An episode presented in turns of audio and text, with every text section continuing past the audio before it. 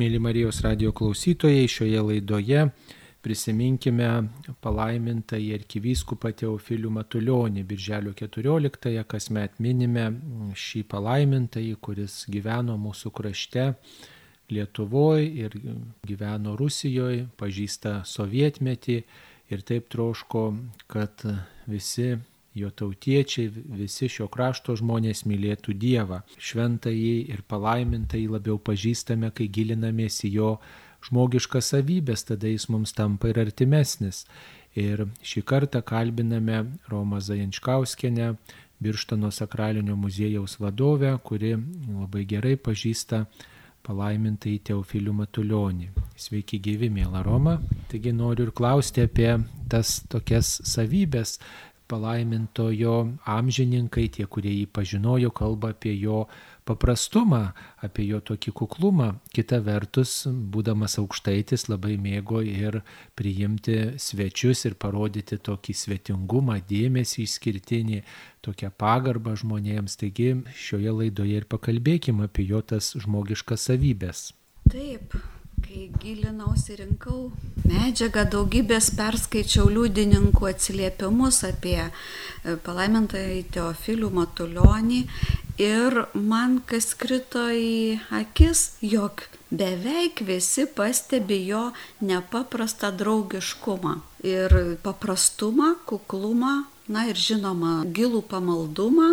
Bet vat, tą paprastumą, jo tokią nuolankumą, tai tikrai ir, ir jam patarnaujantis e, namuose žmonės ir jo draugai šitą iškelia. Na, tai atrodo tokia didelė asmenybė, toksai mūsų tauto šventasis ir tuo pačiu jisai yra visiškai paprastas, visiškai kuklus kaip e, žmogus, prie kurio gera būti, žmogus, prie kurio tu esi savimi, su kuriuo bendrauti labai jauku, labai paprasta. Tai vad šitas jo paprastumas iš tikrųjų, na, ta savybė jos labai šiais laikais gal ir trūksta. Visi norim būti sėkmingi, galingi, didingi, o tuo pačiu tokiam didžiam žmogui kaip vyskupas, kaip Teofilius Matulionis jam nereikėjo save pateikti kaip ypatingą asmenybę, jis buvo tylus, ramus ir kaip vienas iš liudininkų sako, daugiau prezentavo jo tylėjimas tą asmenybės didumą negu jo kalbėjimas. Jisai pasirodo nebuvo tas daug kalbantis ir daug pamokslaujantis, būdamas dar kunigu Peterburgė. Jis daugiau mėgo patylėti, bet jeigu dirbo didelius projektus, bažnyčia perstatinėjo, atstatinėjo, jisai nedarė klaidos, jisai dirbo ir rezultatą matydami galėjo spręsti e, aplinkui esantis kokia tai asmenybė.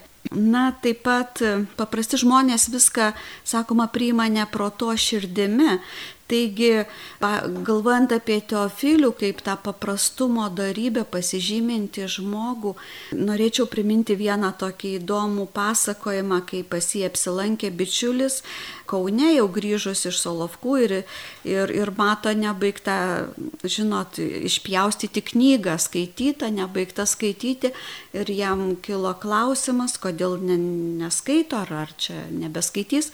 Ir tada Teofilius papasakojo tos knygos turinį labai skaudžią istoriją ir jis sako, nu mane taip įskaudino ta istorija, ten išnaudojimas tokios merginos ir sako, aš negaliu toliau skaityti. Tai vad iš tos trumpo pasikalbėjimo galima suprasti, kad Teofilius labai viską giliai iširdėjame, netgi romaną, kažkokią istoriją perteiktą autoriaus, taip pat su juo bendravę dar jaunystėje, toksai kunigas daktaras Jozas Čepienas, aukštaitis taip pat mini, kad kad jaunystėje, kai dar klierikas buvo Teofilius, tai jiem tekdavo eiti kartu pasivaikščioti, ten kažkaip palydėdavo Teofilius jį ir, ir minė, kad tai buvo labai švelnaus būdo, labai nuoširdus, labai draugiškas ir labai darė didelę net įtaką tam vėliau taip pat kunigystę pasirinkusiam Juozui Čepienui. Tai...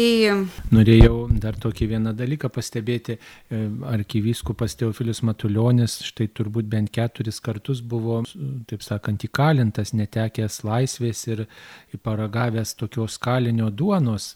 Ar tai galbūt irgi nulėmė, kad žmogus labai nu, įpratęs labai tokiom vargingom sąlygom gyventi ir nematęs tos didelės nei prabangos, nei, nei tokio kažkokio bendravime, tokio kažkokio ten rafinuotumo, tokių manierų, neugdytas tokių manierų, bet va štai tokiom sunkiom sąlygom gyvenęs ir todėl gal įprato tai paprastai bendrauti su kitais žmonėmis ir, ir pats buvo nereiklus visiems tiem e, užmojam, kai štai grįžo 33 metais į, į Lietuvą ir e, kai jau jam uždėjo tas vyskupo insignijas, turbūt yra ir nekartą sakęs, kad jam tokie įprasti buvo kalinio rūbai, prie jų įpratęs buvo, o štai dabar kažkaip reikės priprasti prie tų vyskupo insignijų, prie tų puošnių vyskupo rūbų, tvarkingų rūbų, o kalinysgi neturėjo galimybės e, turėti tų tvarkingų rūbų ir, ir galbūt tas kalinio gyvenimo būdas irgi paveikė, išmokė tokio kuklumo jį. Manau, jo galbūt darbavimosi pradžia, jo gyvenimas Petrapilyje gal padarė tokias, nu, tam tikras kaip ir sąlygos buvo, visi gyveno gana paprastai, skurdžiai. Jis taip pat prisiminkime iš dešimties vaikų šeimos. Taip pat namuose galime žin, suprasti, koks tai buvo bendravimas, koks tai buvo, na, sunkus metas XIX amžiaus pabaigoje, Lietuvoje, kaime.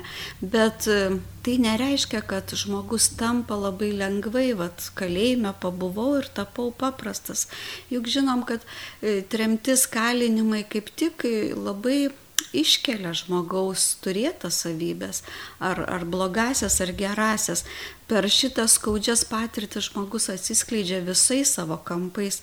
Ir tai, kad kalėjimuose Teofilius Matuljonis buvo gerbiamas, vertinamas už tą savo kuklumą ir labai e, paprastą mandagų elgesį su kitais, kad ir nešventais, nusikalteliais.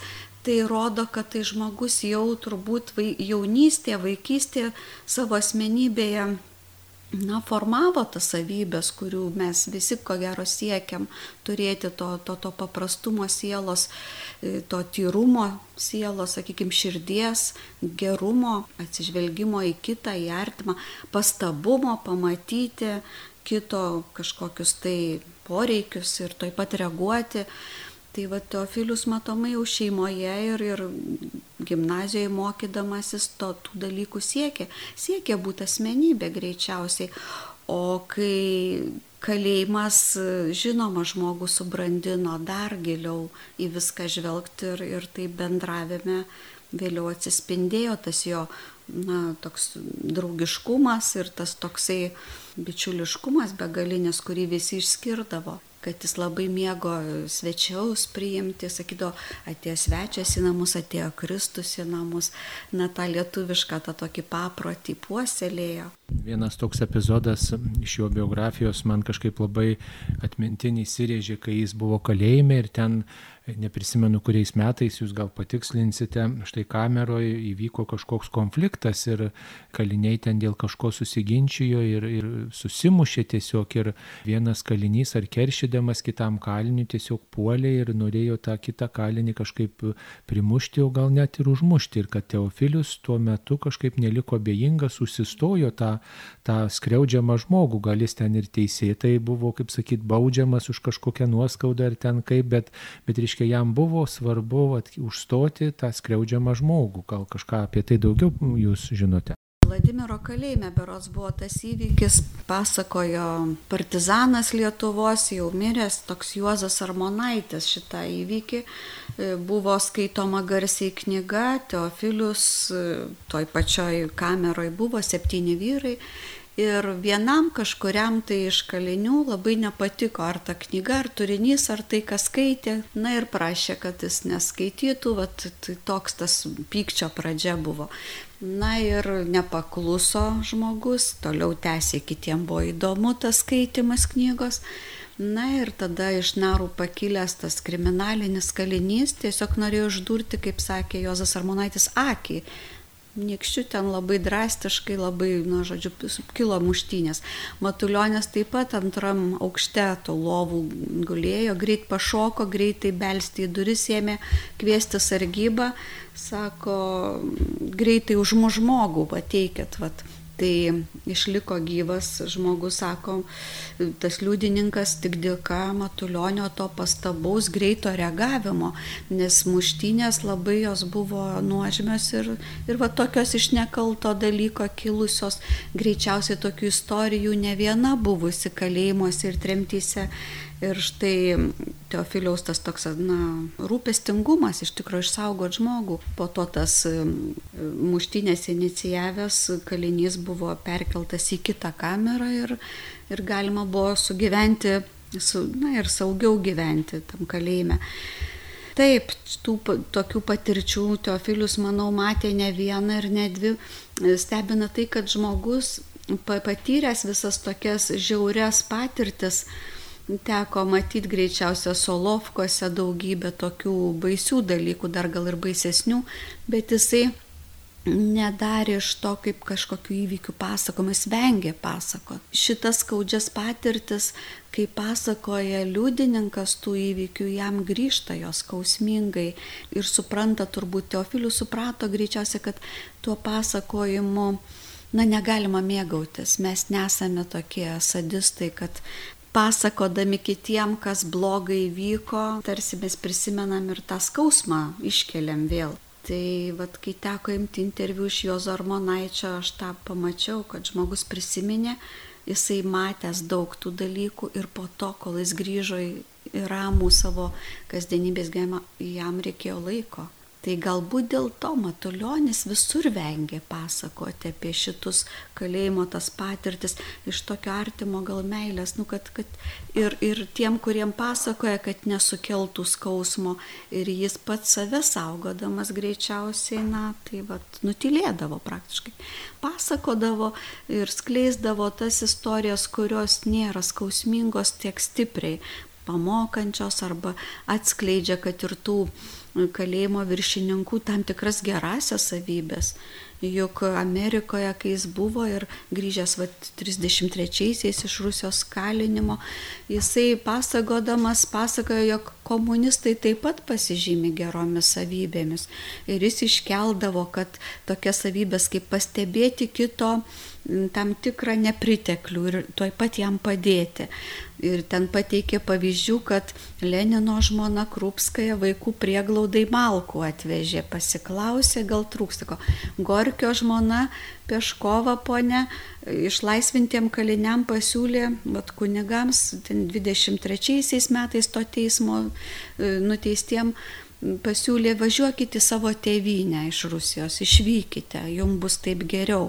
Nu, va, reiškia, jisai tokius pastebėdavo dalykus, kur, na, kitas gal pamirštų, o žiūrėtų į tą, žino, tokią blogąją tą pusę, ar ne, tą tokią žiauresnę. Arba ten dar keletą tokių situacijų jis taip pat Solovkose, sako, žinot, kas mums saugojo duris, viena istorija Amerikoje pasakoja, kai mes kunigai meldėme, saugojo pats kalėjimo viršininkas.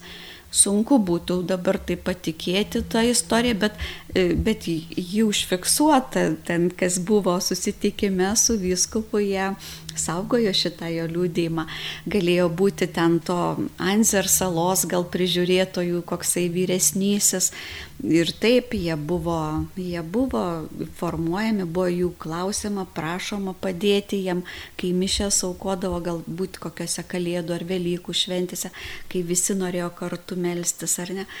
Tai, tai padarė įspūdį, kad galima buvo susitarti su jais. Tai, tai va Teofilius šitą iškeldavo, mokėdavo pasidžiaugti. Na, sako, ką darysi, jų toks darbas yra net Jonys kunigas paliūdės. Sakau, kaip jisai žvelgia į tuos, nu, saugumo agentus, ateidavogi kratas daryti ir va čia klebonijoje ir, ir kitose. O jisai sako, vat per langą pažiūrėjau, ateina mūsų draugai, vat nu ką padarysi, jiem jų darbas tikrint mus. Tai vad tokį Teofilius geras žmogus, paprastas žmogus kituose mato daug gėrio. Jis kitaip sako negalės pasielgti. O mes, nu, elgiamės kaip mūsų sąžinė liepia ir, va, ir tarsi pateisint norėdavo. Vienas toks bruožas, kur parodo žmogaus gyvenimo būdą, tokius prioritetus, tai yra jo būtis, jo maistas. Gal kažką daugiau apie tai galėtumėt papasakot, gal iš išlikę kokių liūdėjimų, kaip maitindavosi palaimintasis Teofilius, kokį maistą valgė ir kokia buvo jo ta kasdienybė būtis.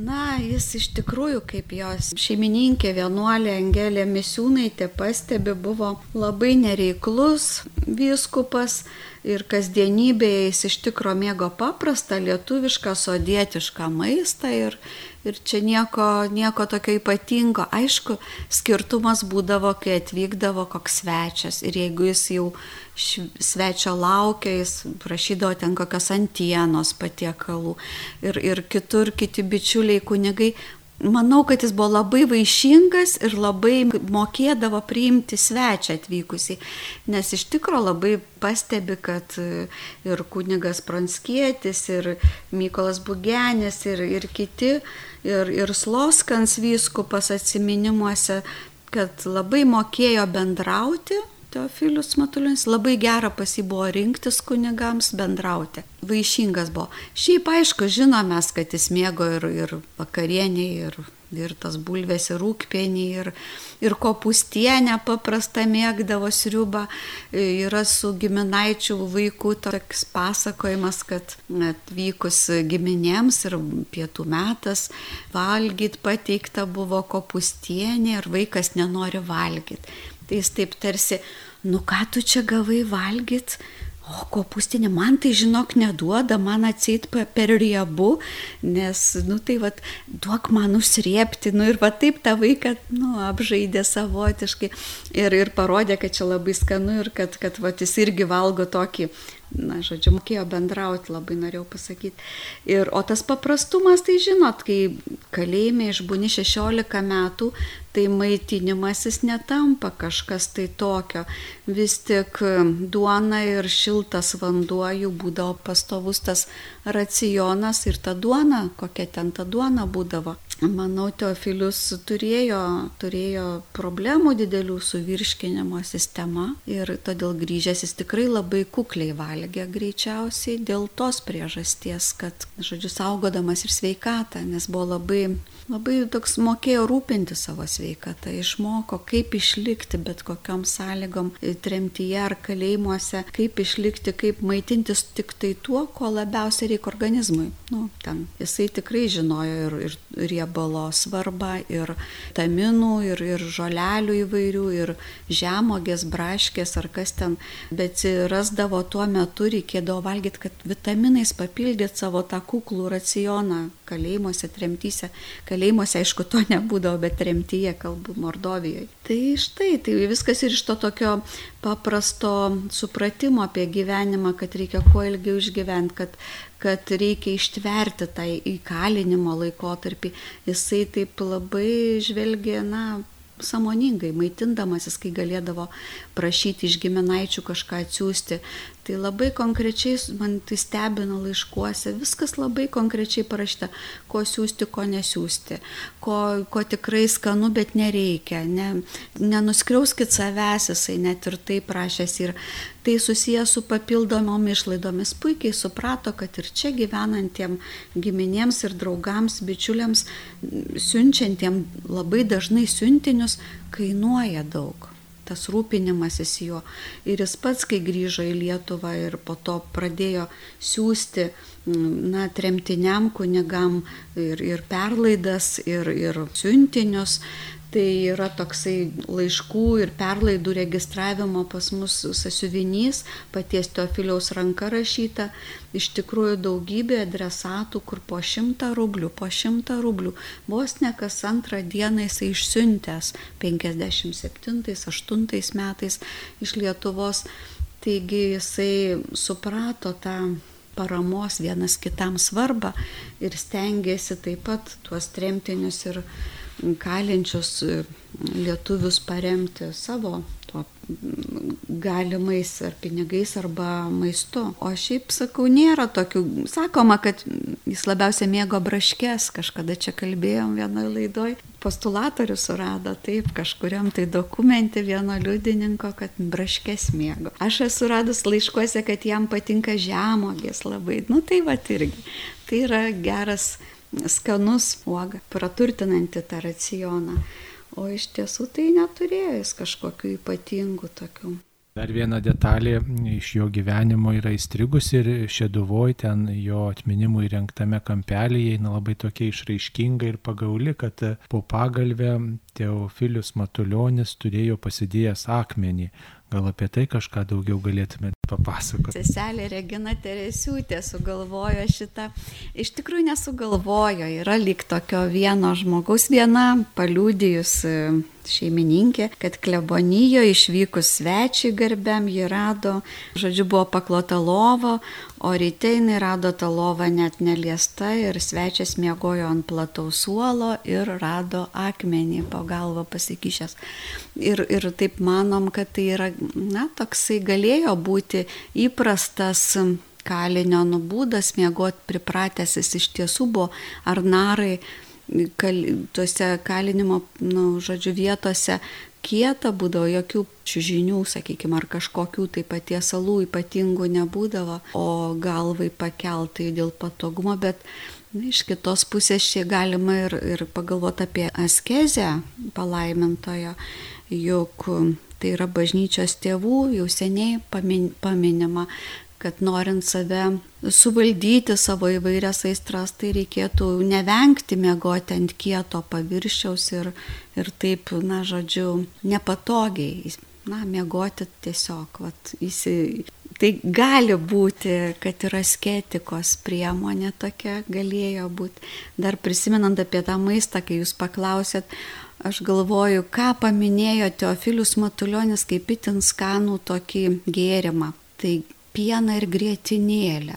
Kai gyveno Šeduvoje paskutinius ketverius metus ir kai jisai norėdavo bendrauti ir, ir su jaunais vikarais Šeduvos ir vienam ir kitam tuo metu gyvenusiam, čia kunigas jo, juodelis paminė šitą pasakojimą, tai jisai kviesdavo užeikit į svečius, turiu šviežio pieno ir grėtinėlės. Tai vad Įsivaizduokit, čia 60 metai, koks tai buvo skaniausias dalykas, gėrimas, šviežia grėtinėlė ir pienas. Na tai, tai va, Teofilius e, norėdavo vat, ir mokėdavo taip švelniai pakviesti pabendravimui jaunus kunigus, ateiti pas senelį ir, ir galbūt, kad įvyktų ta jų bendrystė tokia tai su tuo šviežiu pienu ir grėtinėlė.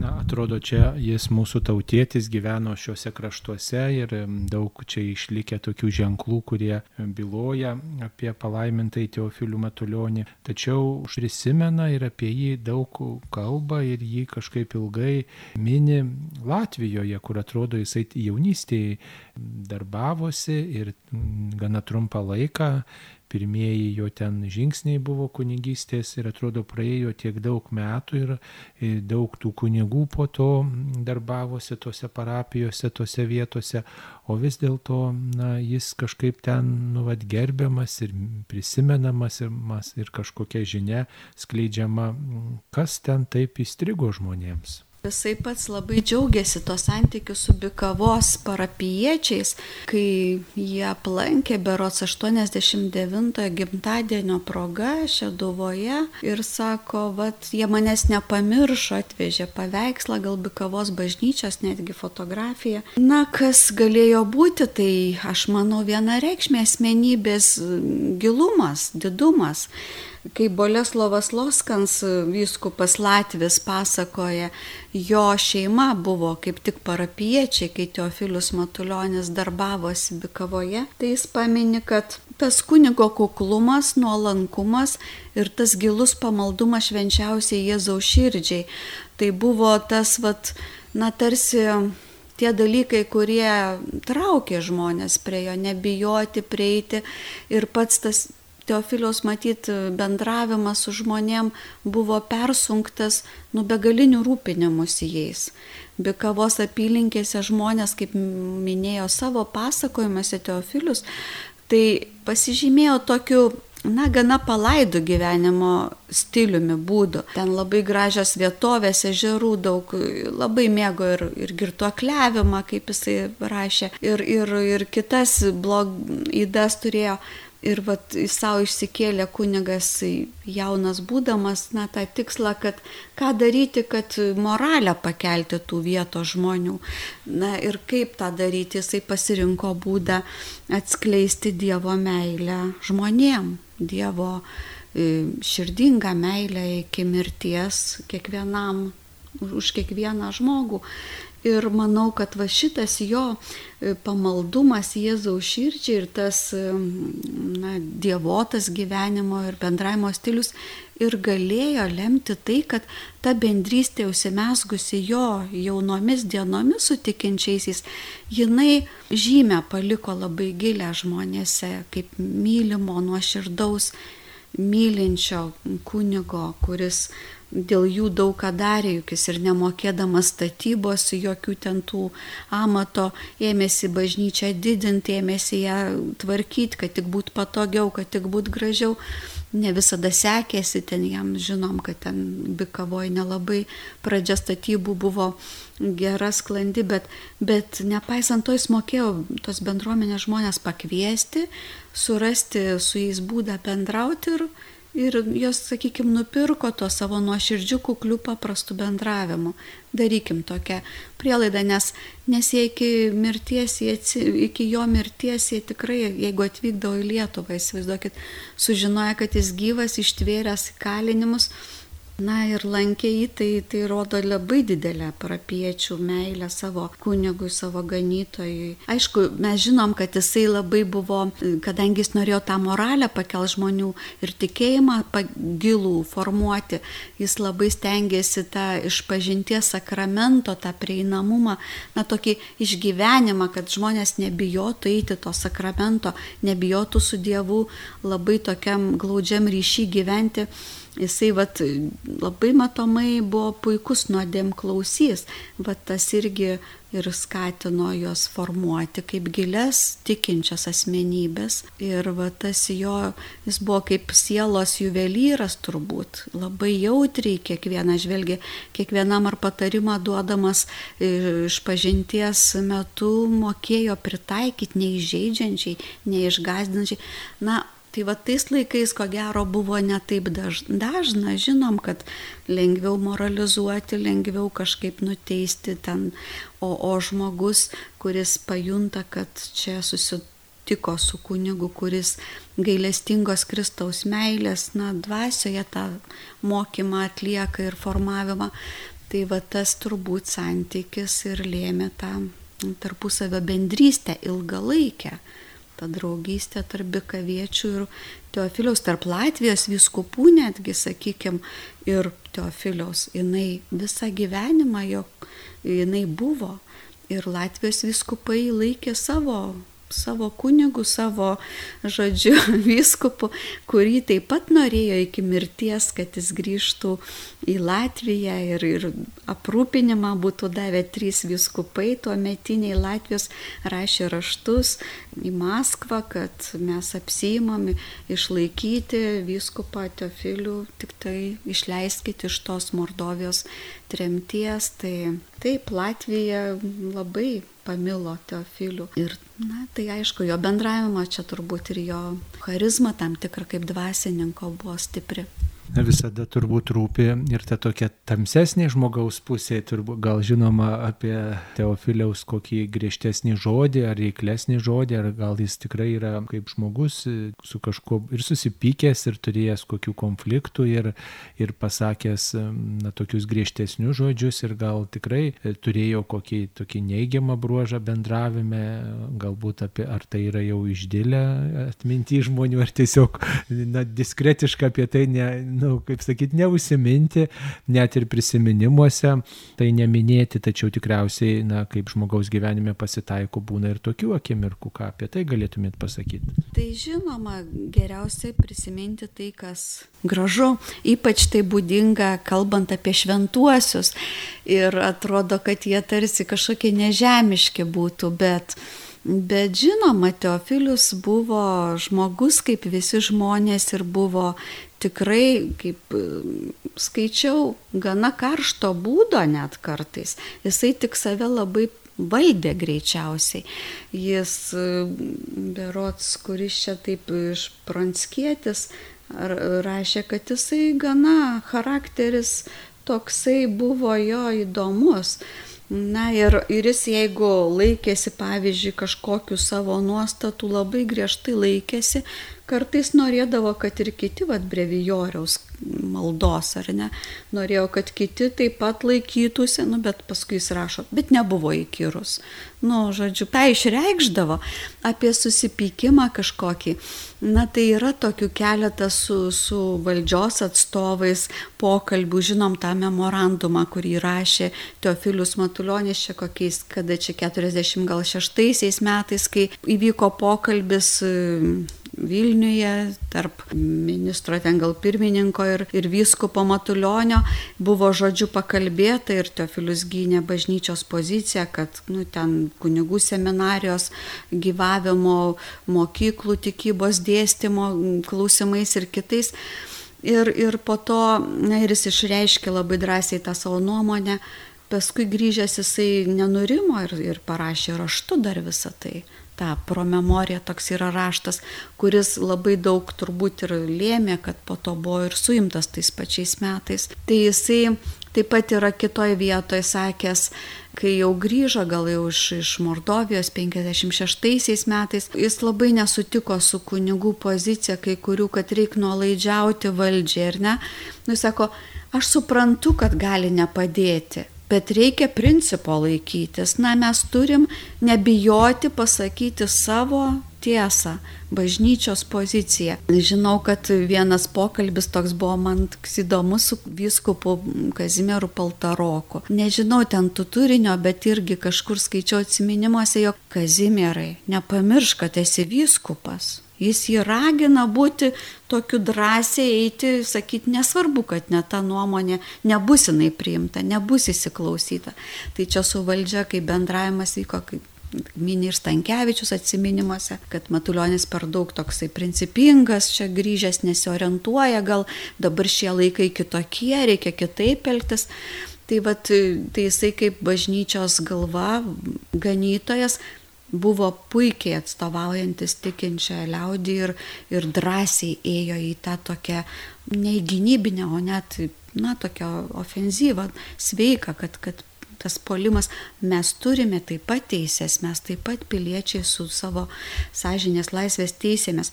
Na, o šiaip tarp žmonių bendravime esu skaičius vieną atsiminimą laiške Pranciškui gal, Pranui Gaidamavičiui gal rašyta, kai jisai rengė knygą Nemarus mirtingasis į Ameriką iš Anglijos tarnas, jo buvęs, e, žodžiu, parašė, kaip vieną kartą jie susipyko su Teofilium vyskupu, jis jam patarnaudavo Benediktinių vienuolynę, kai gyveno ir darė re, remontą ir, ir jų kažkokie statybų ten, kažkokie inžinieriniai, na, nesutapo nuomonės, kaip daryti ten kažkurias tai, žodžiu, vietas. Ir Teofilius vienaip mąstė, o atėjo žurnalistai ir tas tarnas papasakojo, kad nu, viskupas neteisingai čia masto, nu, patviravo, Na ir truputį toks po to lik įsižeidė vyskupas, sužinojęs iš žurnalistų, kad va tarnas gudresnis reiškia statybų klausimų. Na ir, ir jį po to įvyko tas jų pokalbis su tuo lyg bronis jo vardas, tai sako, bet labai greitai pastebėjau, kad Teofilius savyje tą kylantį, tą tokį, nu, supykimą, tą tokį įniršį, tam tikrą tokį saikingą suvaldė. Ir jis aprašo, kaip jis suvaldė. Jis nusisuko nuo, mas, nuo manęs ir sako, pradėjo lik melstis. Lūpos juda. Patilėjo, matyt, su pasimeldė trumpai, atsisuko ir atsiprašė. Tai va toks, kaip išėjo iš tam tikros tokios, na, situacijos, kurioje galėtumėm lengvai susipykti ir paskui dar pykti, na, kaip būna pasaulyje dažnai, ilgai ir, ir, nu, ir nevertina, ir nesuprato, ir, o jis va greitai tą, na, piktumą pačioj pradžioje, pačioj, va, na, toj momente užbaigė. Dar yra kokių čia buvę tokių atvejų, nelabai jų yra daug pasakojama, bet, nu, yra buvę kalėjime taip pat, ten supyko vienas kalinys irgi gal už, kad Teofilius palaikė kitą kalinį. Ten kažkokiam jų ginčio klausime, vad kaip ir muštynių klausime. Na ir aš supykau, aš lietuvis ir viskupas lietuvis ir jis užstojo ten tą vengrą. Nu yra va tų tokių pasakojimų, bet, nu, niekas ten, kaip sakyt, laikas užgydė viską šiaip tokio specialiai, kad, kad kažkokio supykimo, ginčių ar didelių dalykų iš tikrųjų tai nėra tekę skaityti. Nu, ir tas Vaboleslovas Loskans, kaip sako, pažinojo jį Peterburgė, ten nu, kokie 20 kunigystės jau metai, jau brandus žmogus, bet jį laikė va tuo metu jau pakankamai šventų žmogum. Tai reiškia, jisai savo tos netolygius charakterio dalykus mokėjo įveikti jis tą tokį nu, viduje savyje labai daug svarstė, kai būdamas paprastas žmogus, jisai nebuvo spontaniškas, jisai ir svarstymų daug turėjo vidinių prieš elgdamasis. Labai iškalbingas ženklas ir mums, kad mes pažintume E, savo savybės, savo gal įdas, trūkumus, polinkius, kas mumyse verda ir kad e, tuo tokiu kritiniu momentu vis dėlto nu, neišlietume nuoskaudos, neįskaudintume, nepažemintume kito, kad va, tikrai, kaip minite, na, tas kritinis momentas, kai ateina, kad žmogus ir melstusi ir truputį pauzę padarytų savo bendravime ir tikrai apsvarstytų, kaip šitą žmogų priimti, kaip paskui žvelgti į, kaip sakant, Dievo žvilgsniu, žvelgti artimo meilės žvilgsniu, turbūt to galima mokytis ir iš Teofiliaus, kai aukštaitiškas būdas gal tokio kaip ir umaus gal žmogaus, bet, bet kad reikia su tuo būdu kažkaip sugyventi ir mokėti vis dėlto na, neskaudinti žmonių ir nereikšti savo viršenybės ar neprimesti savo nuomonės ar nebūti įkyriu. Šiais laikais iš tikrųjų to, va, to paprastumo dvasios mūsų visuomenėje labai trūksta ir dažnai mes vieni kitus todėl ir varginam, nes nu nemokam būti tokiais, kad išsakytumėm savo jausmus, pavyzdžiui. Nes jeigu mes truputį panalizuotumėm save, kaip čia mes elgiamės, tai ir kitaip bendrautume. Tai pavyzdžiui, va, Teofilius, pažvelgus laiškus, jisai moka išreikšti jausmus. Moka išreikšti, na, tokius, pavyzdžiui, gal padėkos, dėkingumą, arba jeigu jam labai nuobodu jis ir rašo, nuobodu atsibodo tas, nu, tas gyvenimas nelaisvėje, visos dienos vienodos. Ir tą ir parašo, va, kažkaip nemoka, kad kaip čia gražiau aš tą laišką gal parašysiu. Ne, rašo taip, kaip yra, tiesiai. Arba džiugu, kad vat, kažkam pasisekė sugrįžti, jis rašo, džiaugiuosi ir vėl, bet kartu ir liūdna.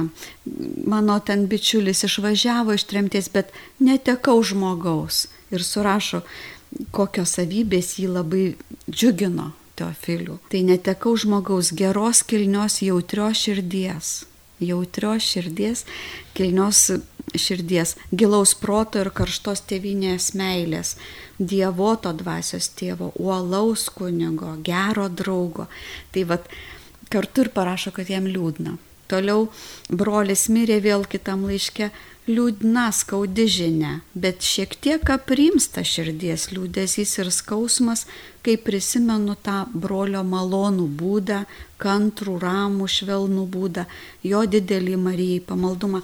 Jis vat tuos jausmus apibūdindamas, na, vat matot, randa dar tą kitą pusę. Ne tik, kad, atsakykime, liūdnam, Na ir labai tas dėkingumo jausmas pas jį iš tikrųjų už viską dėkoja, net už skaudžius išgyvenimus.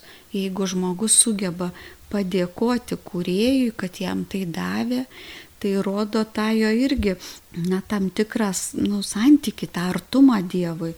Ir, ir va tas jausmų toksai išsakymas, jis ir yra atspindys to paprastumo žmogaus nepaprasto paprastumo, kurio vat, reikia, kaip sako daugelis tų dvasinė teologija rašančių autorių, na, būtų lengva bendrauti, jeigu turėtų žmonės tą paprastumą, nes paprastumas nevargina. Tu, kai išsakai save kitam, tu išsilaisvini ir kitas tave lengviau supranta. Ir tada, na, tada nereikia galvoti, kaip čia jo neįžeidus, kaip čia tai pasakyti, kaip reikėtų.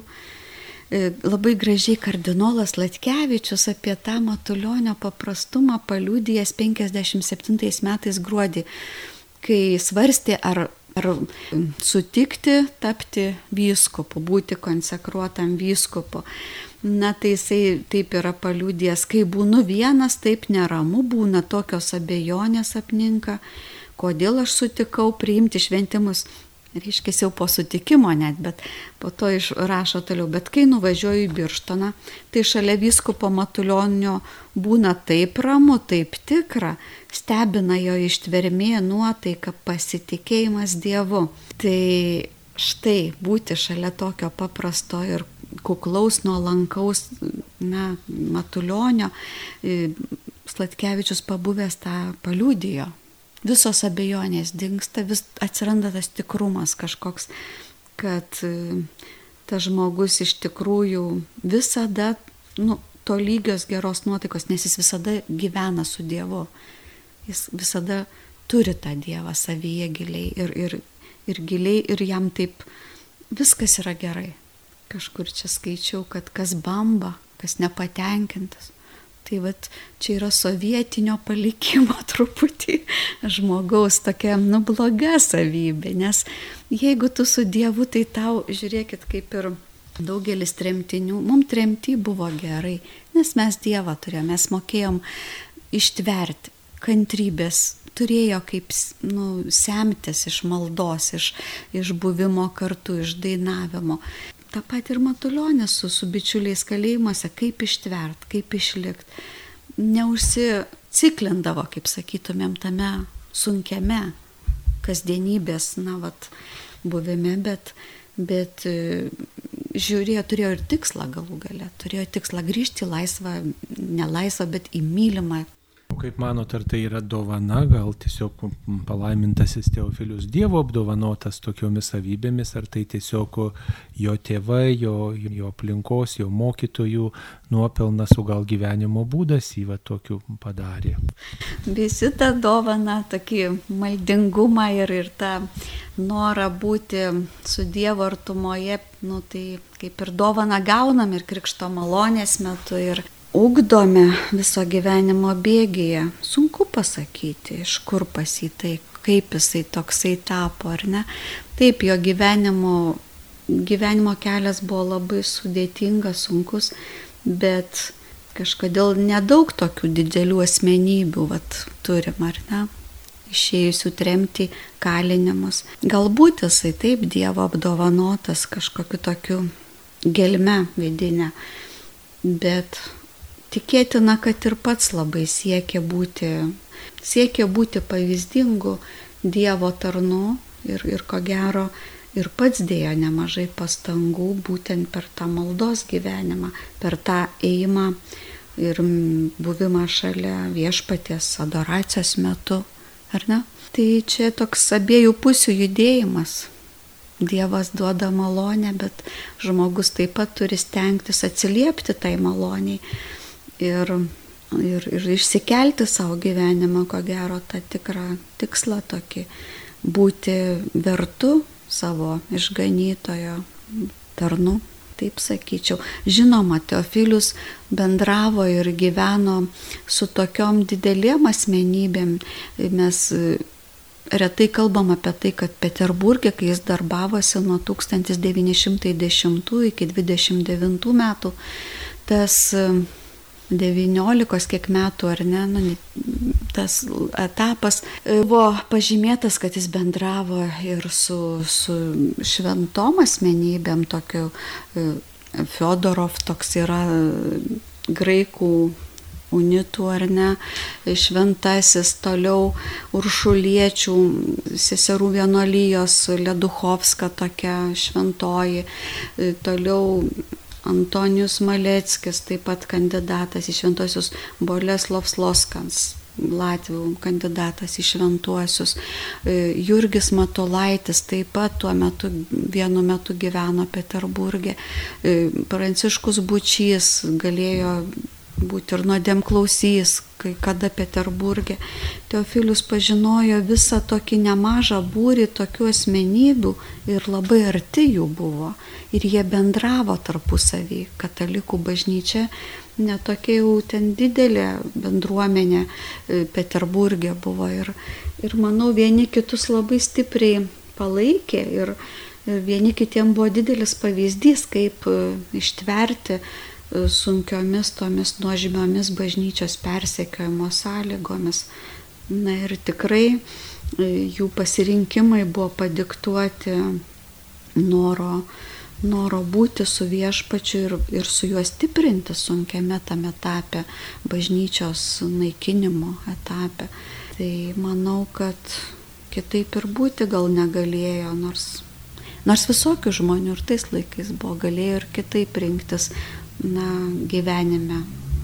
Ir, ir turėjo tokią galimybę, žinom, kad kalėjimuose neištverdavo daugybė žmonių ir, ir žudydavosi, ir, ir psichologiškai buvo sudėtingos situacijos, ir darbo krūviai dideli, ir maistas kuklus, ir kiti siekia, kad patektų į ligoninę, rinkdavosi kitus būdus, save žalodavo ten.